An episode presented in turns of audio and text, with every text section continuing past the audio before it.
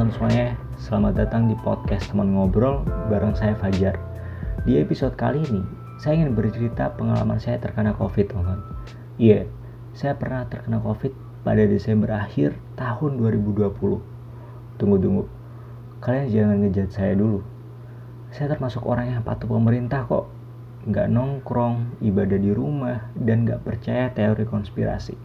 Terutama dari mas-mas drummer bertato itu loh saya waktu itu lagi ngerjain penelitian untuk skripsi teman-teman. Berkelompok sama dua orang lainnya dan harus ke kampus. Harus ya saya ulangi lagi tuh. Kebetulan salah satu dari anggota kelompokku ada satu perempuan namanya ya kita sebut aja Mawar. Dia mantanku pas SMA terus entah gimana takdir kami juga satu jurusan teman-teman dan bahkan kami juga satu kelompok ketika penelitian untuk skripsi. Ya singkat cerita kami CLBK lah tapi kami benar-benar cuma ketemu pas di kampus teman-teman. Nggak lebih. Karena ya kami patuh sama pemerintah. Dan mungkin juga karena kami mahasiswa kedokteran hewan ya. Ya walaupun dokter hewan kami tahu kok betapa berbahayanya virus covid ini. Jadi gini teman-teman gimana ceritanya saya bisa kena? Ya untuk mempermudah kita bayangkan dalam satu minggu bapaknya Mawar tadi teman-teman pulang dari luar kota dari urusan kerja pada hari Senin.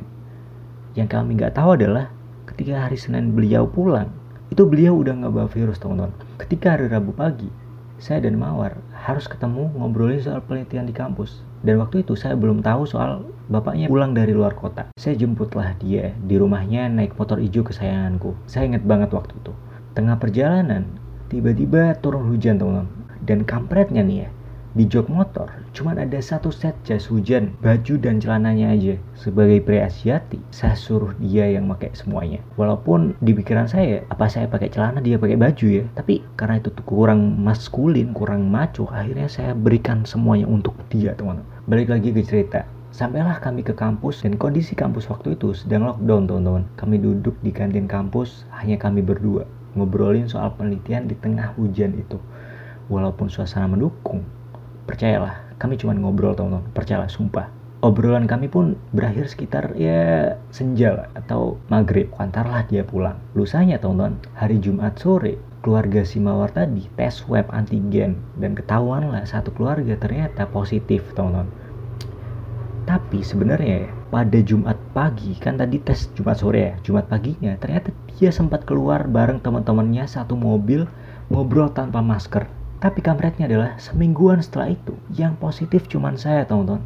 Bayangin ini, kami sore saya berduaan sama dia di kampus. Saya positif. Jumat pagi dia semobil sama teman-temannya ngobrol nggak pakai masker teman-temannya semuanya negatif teman-teman. Pasti orang curiga dong ya kan. Kami habis ngapain aja. Padahal teman-teman kalau dipikir-pikir ini adalah kesalahanku karena sok-sokan ngasih dia jas hujan semuanya ya kan? Sok-sokan heroik. Tapi gimana caranya ngejelasin ini ke orang lain? Pasti orang lain gak akan percaya ya kan? Orang-orang pasti berpikiran negatif soal kami. Tapi beneran teman-teman kami cuma ngobrol tok. Sumpah sumpah demi Allah. Setelah itu teman-teman karena kondisiku nggak parah dan rumah sakit waktu itu lagi penuh-penuhnya bulan Desember itu lagi tinggi teman-teman saya cukup isolasi mandiri di rumah. Yang bikin sedih adalah akhirnya satu keluarga saya semuanya kena covid gara-gara saya. Dan parahnya lagi bapakku itu komorbid teman. Jadi efeknya sampai mengakibatkan turunnya kadar oksigen di bawah normal. Jadi mau nggak mau bapakku harus ke rumah sakit buat dikontrol sama tenaga medis. Antar lah. Dan saat bulan Desember itu teman covid itu lagi naik-naiknya. Jadi sampai di sana bapakku itu nggak langsung dapat kamar dan harus ditempatkan di lorong-lorong rumah sakit teman-teman. Nunggu hingga pasien lain keluar dari kamar entah itu sembuh atau meninggal. Dan di awal ketika kita nyampe rumah sakit, itu pelayanannya menurutku baik. Karena kami keluarga pasien dan tenaga medis itu dipisah dengan kaca komunikasi hanya dengan walkie talkie atau HT jadi aman untuk tenaga medis teman-teman. Dan gak cuma itu ada juga tenaga medis yang menemui keluarga pasien tapi dengan APD lengkap. Di situlah pertama kalinya saya melihat tenaga medis dengan APD lengkap yang biasanya ya cuma lihat di video-video sosmed ya kan? Yang banyak yang bercandain kayak astronot gitu ya kan? Sebagai sesama dokter. Walaupun saya dokter hewan saya tahu. Saya pernah belajar gimana pakai APD cuman di video aja tapi nggak pernah pakai beneran. Sebagai sesama dokter saya salut sama mereka teman-teman. Saya tahu bagaimana ribetnya pakai APD ada aturannya ini dulu itu dulu. Terus khusus dan gak sembarangan. Saya jadi sedih teman-teman beberapa waktu yang lalu itu ada berita tenaga medis dipukul sama keluarga pasien karena kelamaan memakai APD katanya. Ya Allah emang prosedurnya gitu pak? Lama. Kok bisa anda main pukul tanpa belajar gitu loh? Orang-orang Indonesia ini emang hebat ya. Dan gak hanya itu teman-teman mereka juga harus menjaga untuk tidak mencopotnya selama 8 jam APD itu tadi. Mereka kencing pakai popok gimana? Udah nggak enak malu loh itu sebenarnya sumpah men.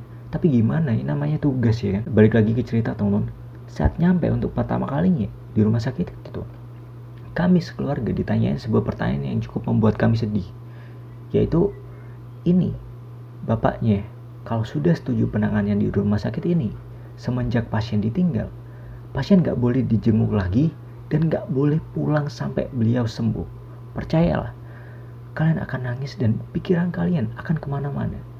Dan pikiranku saat itu adalah, gimana kalau kami nggak akan ketemu lagi setelah hari itu? Ya karena di sosmed-sosmed kan biasanya gitu, ada video-video bocah lagi nengokin di jendela rumah sakit ya kan karena nggak bisa ketemu sama bapaknya atau ibunya gitu. Tapi demi kebaikan, kami pun setuju Bapak dirawat di rumah sakit karena diawasi ahlinya. Dan tentu peralatan yang lengkap daripada dirawat di rumah ya kan. Saya pun mengurus administrasi dari bapak. Untuk administrasinya itu sangat mudah teman-teman. Walaupun pakai BPJS biasanya kan BPJS agak ribet ya kan. Perlu fotokopi ini itu. Tapi ini benar-benar simpel dan gak ribet teman-teman. Dua hari setelah itu bapak saya pun mendapatkan ruangan. Setelah tadi di lorong-lorong rumah sakit ya kan? Namun ruangannya adalah ruangan HCU teman-teman. HCU High Control Unit. Jadi HCU adalah ruangan satu level di bawah ICU kalian pasti tahu kan ICU ICU adalah ruangan di mana tempat-tempat orang-orang kritis. Kami sebagai keluarga pasti panik. Jadi buat gambaran aja teman-teman. Di ruang ICU itu banyak pasien pindahan dari ICU karena sudah agak membaik jadi bunyi alat-alat di ruangannya itu macem-macem. Bapak saya pun susah tidur teman-teman di awal-awal. Kami sekeluarga kan rutin video call ya untuk nanyain gimana kondisinya bapak dan ngasih support agar imun bapak nggak turun gitu. Nah ketika video call suasana di ruangan masuk suaranya semuanya kayak alat-alat orang-orang kritis itu masuk teman-teman dan kadang suara bapak pun terhalang gitu sama suara-suara alat-alat itu. Jadi aku yang video call aja nggak nyaman loh. Aku ngebayangin gimana bapakku tiap malam harus ngedengerin suara-suara itu itu kami nyari kamar kosong pun nggak ada tuh karena waktu itu lagi penuh-penuhnya bulan bulan-bulan Desember itu covid lagi naik jadi ruangan lagi penuh-penuh. Tapi harinya bapakku bisa beradaptasi teman-teman tiap tidur dikasih kapas. Ya agak lumayan meredam suaranya lah. Jadi kayak gitu. Gimana gambaran bagaimana nggak enaknya kalian ketika terkena covid di rumah sakit saat sedang naik kasusnya? Jadi jaga kesehatan kalian teman-teman. Sekarang kan lagi naik lagi nih kasusnya nih. Patuhi protokol kesehatan. Jangan keluar-keluar dulu. Dan balik lagi cerita teman-teman. Bapak saya itu dirawat kurang lebih dua minggu dan akhirnya diperbolehkan untuk pulang. Itu bener-bener gratis pure dibiayain oleh Kementerian Kesehatan Kemenkes. Bener-bener kami nggak bayar sepeser pun teman-teman. Bener-bener gratis kalau pakai BPJS jadi kalau kalian apa namanya sakit kena covid itu 100% dibayar pemerintah teman-teman. Kalian nggak perlu kepikiran atau panik soal biaya. Dan setelah bapak kami keluar itu kami sebelumnya ya satu keluarga udah PCR dan semuanya udah negatif teman alhamdulillah. Namun di lingkungan tempat saya tinggal ku saya tinggal di kampung. Ketika ada yang terkena covid orang-orang itu malah ngejauhin kami itu dan terkesan dikucilkan. Bahkan Pak RT saya bukannya menutupi identitas pasien malah menjadikannya bahan gosip di pasar-pasar ya Allah. Kalian pasti pernah kan ngeliat sosmed terus ada video tetangganya nyantolin makanan di pagar. Aku iri teman-teman. Aku pingin dikituin tapi lingkungan di kampungku nggak mendukung. Mereka malah kayak aib ini. Padahal teman-teman penderita covid itu kalau udah sembuh nggak akan nularin lagi. Jadi kalian jangan takut sama penderita covid yang udah sembuh yang udah dinyatakan negatif. Dan covid itu bukan aib teman-teman. Pandemi ini nggak cuma menghajar kesehatan dan finansial orang-orang tapi juga mental. Beberapa teman hampir ada yang putus asa ada yang berencana melakukan hal-hal bodoh gitu. Jangan sampai kalian lupa lihat kanan kiri terus peka terhadap sekitar teman-teman.